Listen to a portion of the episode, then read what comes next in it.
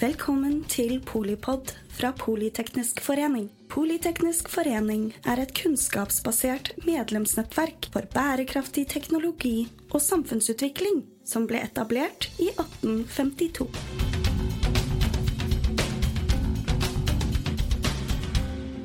Velkommen til eh, Polipod og episoden om hvordan strømprisen blir til. Vi har med oss eh, Aslak Mæland, som er eh, VP Market Regulatory Affairs i Statkraft. Først, Aslak, hva betyr det? Jo, eh, hyggelig å være her. Det betyr at jeg jobber i markedsavdelingen i Statkraft. Og vi jobber med regulatoriske forhold. Så det vil si endringer i hvordan kraftmarkedsdesign og sånn skal være. Så er det vi som ofte ytrer oss om hva vi mener er en rett utvikling. Og, og helt sånn grunnleggende, da. Hvorfor trenger vi et kraftmarked? Jo, det er kjernespørsmålet. Eh, og for å svare på det, så må vi bore litt i og skjønne hvilket problem kraftmarkedet forsøker å løse.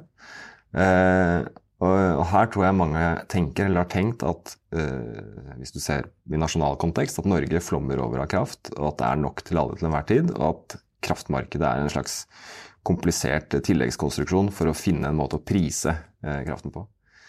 Eh, men så enkelt er det ikke. Eh, hovedutfordringen i vår kraftforsyning er at vi i utgangspunktet ikke har den energien tilgjengelig når vi trenger den for å produsere. Og så har det vært mye snakk om kraftbalanse og gjennomsnittsår osv. Og, eh, og i et gjennomsnittsår så har vi nok, men vi er gjenstand for store værvariasjoner. Både mellom år og mellom sesonger, og da trenger vi en mekanisme for å løse det forsyningssikkerhetsproblemet eller koordineringsproblemet. Og det er oppgaven mm. til markedet. Og så er det jo Du sa nasjonal. Eh, og så er det er mye greier rundt om vi bare kunne liksom stenge grensene og så ha en masse billig strøm eh, på egen hånd. Ja. Og det er det jo mange som har etterspurt. Eh, men hvis jeg skal utbrodere litt dette med vårt problem, da, for å ta det grunnleggende, så er det jo sånn at vi har et det vi kaller sesongproblem. I den forstand at om vinteren så er det ikke noe tilsig til våre vannmagasiner. Eh, så vi får, vi får vel omtrent Jeg så tall på det. Ca. to tredjedeler av tilsiget vårt det kommer i sommermånedene, altså mai til august, når vårt forbruk er på det laveste. Eh, og i vintermånedene, altså desember til mars, så får vi bare 10% Så det er en veldig asymmetri mellom når vi har behov for strømmen, og når vi får tilsiget. Selv om jo vannkraften er eh, blant de mer regulerbare og fleksible ja, ja, ja. Vi er veldig heldige der. Og egentlig et slags batteri? Virkelig. Eh, og, det, og, det, andre, hvis du sier at vi har et sesongproblem som disse batteriene bidrar til, så har vi også et flerårsproblem. At vi kan få et veldig tørt år, og vi kan få et veldig vått år. Og eh, hvis norsk forbruk i snitt er ca. 140-150 TWh, så kan vi, hvis vi får veldig, et veldig energirikt år, så kan vi få opp mot 200 TWh. Får vi et veldig tørt år, så får vi ned mot 100 TWh. Så det er på en måte den fysiske hovedutfordringen for eh, det norske kraftsystemet. Og der eh, kommer jo kraftmarkedet inn og egentlig løser den utfordringen. Hovedpremisset er jo at vi skal ha balanse. Så vi skal ha like mye produksjon som forbruk til enhver tid.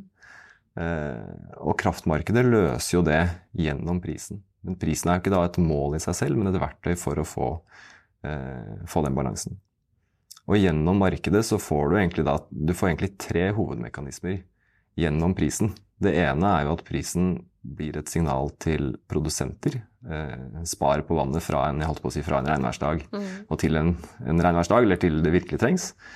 Det er et signal til konsumenter. Hvis det er rikelig, så blir prisen lav. Så da er det vær så god å forsyne deg. Er det knapt, så blir prisen høy. Mm. Og det er også et signal til eh, handel mellom naboland. Har vi i rikt monn, så kan vi dele med våre naboer. Og har vi behov, så kan vi kjøpe fra dem. Så den koordineringsfunksjonen som markedet gjør, den er uhyre viktig. Ja, og den blir ikke noe mindre viktig fremover, tenker jeg. Også når vi skal effektivisere og, og altså nå klimamål. Og så er jo pris Nå er jeg samfunnsøkonom, da, så det er klart at prismekanismer er veldig disiplinerende for eh, både tilbud og etterspørsel. Mm. Men eh, alle er jo ikke enige, så Og det er litt sånn Vi har jo hatt veldig store variasjoner, og vi har hatt en priskrise eh, i, i nyere tid. Det har jo vært eh, liksom trøblete tidligere også. Men det er ikke helt enkelt å forstå hvordan strømprisen faktisk blir til. Jeg har jo til og med jobbet uh, i bransjen, men, Ja. men det er ikke helt lett å, å forstå hvordan eh, strømprisen, i hvert fall den jeg får som forbruker, hvordan den faktisk blir til. Nei, og det har vært mange forslag at det bør knyttes til kostnaden, produksjonskostnaden osv. Men som jeg sa, ikke sant, hovedpremisset er at du skal ha forsyningssikkerhet. Da må det være like mye forbruk og produksjon. Så du må matche dette til enhver tid. Og det skjer jo ved at alle de som kan produsere, finner ut av hva er fornuftig nivå, hvilken pris kan jeg selge min produksjon for nå. Og for vannprodusentene så er jo det vesentlige her det er at vi, vi må jo da vurdere, alternativverdien på det vannet vi har. Hvis jeg ikke produserer nå, hvordan ser det ut senere, f.eks. til vinteren? Er behovet for den kraften større da? I så fall, hva er prisen da? Og så er den parameteren jeg kan justere, er prisen som jeg selger for. Og ved å, ved å gjøre de vurderingene for alle typer produksjon og alle typer forbruk, så får du da en prisdannelse. Men rent konkret så betyr det jo det at når vi forvalter våre kraftverk inn i markedet, så er vi veldig opptatt av å se på hvor mye vann får vi framover. Vi følger veldig mye med på værmeldinger. Hvordan blir forbruket framover? Hvordan blir flyten mellom de ulike områdene? Eh, og gjør da kontinuerlige og løpende vurderinger av hva er vannet for hvert enkelt vassdrag eller kraftverk Mm. verdt for oss. Da. Og det er en verdi som en vannverdi som, Det er en vannverdi. eh, Ja. som jo er noe annet enn strømprisen. Ja. Så da byr jo vi inn alle våre vannverdier som en slags tilbudskurve, sammen med andre produsenter som gjør det samme. Og alle som skal kjøpe energi, de byr jo også inn hva de skal kjøpe, og da får du et priskryss i markedet. Det markedskrysset er jo ikke eh, unikt for eh, kraftmarkedet. Det er jo sånn i alle markeder, men det er noe med at vi har en eh, vi, er, vi kommer fra en verden hvor det ikke var så viktig å egentlig forstå, eller eh, ting var på en måte litt enklere Mm. for, eh, for en vanlig husholdning, da. Mm.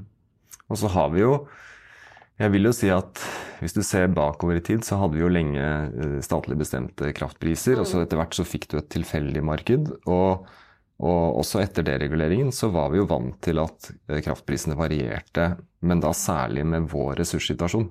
Mm. Det var en slags aksept for at hadde du et våtår, så var det billigere, og hadde du et tørrår, så var det høyere. Mm. Det som jo er nytt nå, er jo at vi i større grad henger sammen med omverdenen, og også blir påvirket av forhold utenfor Norge. Mm. For good and for bad, eh, For som de sier. Ja. Og, og det er jo eh, Altså, hva er det der som gjør at strømprisen varierer eh, sånn? Det er, jo, det er jo fungerende markeder eh, rundt oss også. Mm. Hva mente du var Hva er det som gjør at strømprisene varierer? i Norge eller utenfor? Eller begge deler? Ja Hvis takk, du tar, begge deler. Hvis du tar, hvis du tar den eh, veldig enkle tilnærmingen til Norge, Mm. så kan du si at vi får en viss mengde energi fra oven. Har vi mer enn nok, eh, så blir det billigere pris i Norge enn i naboene, eh, hos naboene. Og har vi for lite, så må vi importere. Da blir det Mm. høyere. Så det er den ene faktoren. Den andre faktoren er jo hvordan står det da til hos naboene. Mm. Og, og nå har jo naboene våre hatt eh, kjempetrøbbel de siste Mm. par årene, som gjør at selv om vi da har vært ganske i balanse, så blir vi med på det prisbildet. Mm. Og det, det er jo der eh, på en måte eh, Kanskje både i norske og, og nordiske og for så vidt europeiske myndigheter da også, også tenker litt på hvordan man skal designe markedet eh, optimalt. Eh, jeg vet ikke Hva ville du si er Hva fungerer bra, hva fungerer dårlig? Ja, ikke sant? Og det, det er jo litt sånn at når du begynner å grave, så ser du at eh, eller, Du kan egentlig ta to innganger til det hva fungerer bra og hva fungerer Mm. dårlig. fordi den ene inngangen kan være å si at nå har vi hatt et marked som har gitt uholdbart høye priser. Det har vært eh, krevende og vondt, og det, ikke sant? dette holder ikke i lengden. Den andre inngangen til det er å si at nå har vi hatt en energikrise hvor eh, egentlig Russland har brukt Mm. energi våpenet sitt. Mm. Eh, og det har vi klart uten, uten forsyningssvikt. Mm. Det har vært strøm i stikkontakten, det har vært, det har, systemet har fungert selv om det har vært ubehagelig, og det har gitt insentiver. Og det er jo det fine med markedet. Og jeg tror eh, Det er jo vanskelig å drive med sånn kontrafaktisk tenkning, men, men det er ikke så lett å se et annet system som hadde håndtert den krisen eh, så godt som det markedet egentlig har gjort. Nei, og så har det jo gjort det i, i hvert fall hele Europa. Ja. Eh, for det er jo noe med Og ting henger jo sammen. Alt henger sammen med alt, mm. som, som vi lærte. Og det både når vi tenkt, snakket litt om eh, husholdninger og, og, meg som forbruker, men det er jo en, veldig tette bånd til industri og næringsutvikling. Mm. Eh, til eh, både i Norge og, og, i Europa. Og forsyningssikkerheten er, eh, er, jo ikke noe mindre viktig for industrien enn for, for jeg som skal føne håret, på en Mm. måte. Mm. Så vi hadde en interessant diskusjon her om, ja, om kraftpris som konkurransefortrinn. Mm. Og, og, næringslivet, og spesielt eh, prosessindustrien. Da. Mm, mm. Kraftforedlende Mm. industri. Eh, hvordan eh, Altså Hvordan jobber dere med, med de, eh, den industrien, og hva er, hva er liksom annerledes nå enn en tidligere? Ja, du kan si eh, ikke sant? eh, For Statkraft er jo industrien en viktig mottaker av kraften vår. Eh, så vi ønsker jo et rammeverk og et marked som legger til rette for også god industriutvikling. Eh, på på liksom spørsmålet kan man da bare gi veldig billig kraft, så er jo svaret ofte at det er en dårlig idé. Uh, og, og det er jo litt sånn hvis du skal ha veldig mye billigere kraft enn det du har gjennom markedet, så må du mest sannsynlig ofre noe. Det kan være at du vil ta større naturinngrep. Det kan også være at du f.eks. sier at vi kan akseptere dårligere forsyningssikkerhet. Men det er nok neppe altså Det kan være i enkeltbedrifters interesse, men det er neppe i samfunnets Mm. interesse å avvike veldig eh, fra det. Så det var jo litt sånn at eh, Hva skal man si? Forrige århundre så var jo norsk kraftpolitikk ofte å eh, med en gang vi fikk mer kraftbehov og utviklet industri, så var vi heldige, for vi hadde, vi hadde vassdrag vi kunne forsyne oss av, for å si det sånn. Eh, Og så går jo ikke det i lengden. Eh, Og det gjør jo at den, den eh, interessekonflikten vi står i nå, når det gjelder nyutbygging, er eh, at Den har vært sterk før også, men den er veldig gjeldende nå. Og så er det jo sånn at kraftproduksjon er jo også Det er jo like verdiskapende som annen verdiskaping, for å si det sånn. Sånn at det, det å gi bort, gi bort det, da, er jo i hvert fall ikke samfunnsøkonomisk. Nei, og det er, jo, det er jo, hvis du tar det samfunnsøkonomiske begrepet, da, så er jo det ofte både produsent- og konsumentoverskudd. Mm. Og det er et handelsoverskudd, og det er naturinngrep osv. Så, videre. så det å se totaliteten i det er jo viktig når man gjør vurderinger her. Er du um, Altså jeg, jeg tipper jo at du syns det er bedre nå enn en før. Men uh, hvis du ser litt fremover, er du, er du eh, kraftoptimist? Ja, jeg, jeg vil jo si det. Jeg vil si hvis du bare spoler ett år tilbake eh, Hvis det var det tidsperspektivet du tenkte på, så var vi jo, sant, da hadde vi jo veldig mye høyere priser, veldig mye Mm. høyere skuldre og stor usikkerhet om eh, markedet og systemet og Europa tålte det presset vi har under. Mm. Nå er bildet et helt annet. ikke sant? Og, og hvis du ser nasjonalt her, så har vi jo i hvert fall i en del områder hatt veldig lave priser nå siste perioden. Så, så jeg syns jo jeg syns jo markedet har fått en ordentlig trøkk og en ordentlig test. Eh, og det er på ingen måte Det er ikke det at det er perfekt, det kan, kan videreutvikles. Men eh, nå ser vi at det har fungert, prisene er lavere, markedet har, har virket. Og det gjør at skuldrene mine i hvert fall er litt lavere. Ja, det er bra. Jeg, er jo, jeg har jo også veldig respekt for eh, jobben egentlig hele verdikjeden eh, på energi har gjort. Da. Også på nettsiden og på også systemsiden, rett og slett. Klare å, å vite så mye og styre eh, så klokt. men det er noe med det nasjonale, som du sa. Det er jo, det er jo fremdeles problemer i deler av eh, Norge, deler regioner. De har jo litt kryptiske navn, men, eh, men hvordan henger det regionale prisdannelsen med, med det nasjonale? Det, det, er jo egentlig ikke så stor prinsipiell forskjell. Men vi har jo nå f.eks. hatt en periode hvor Sør-Norge har hatt høyere pris enn resten av Østlandet f.eks.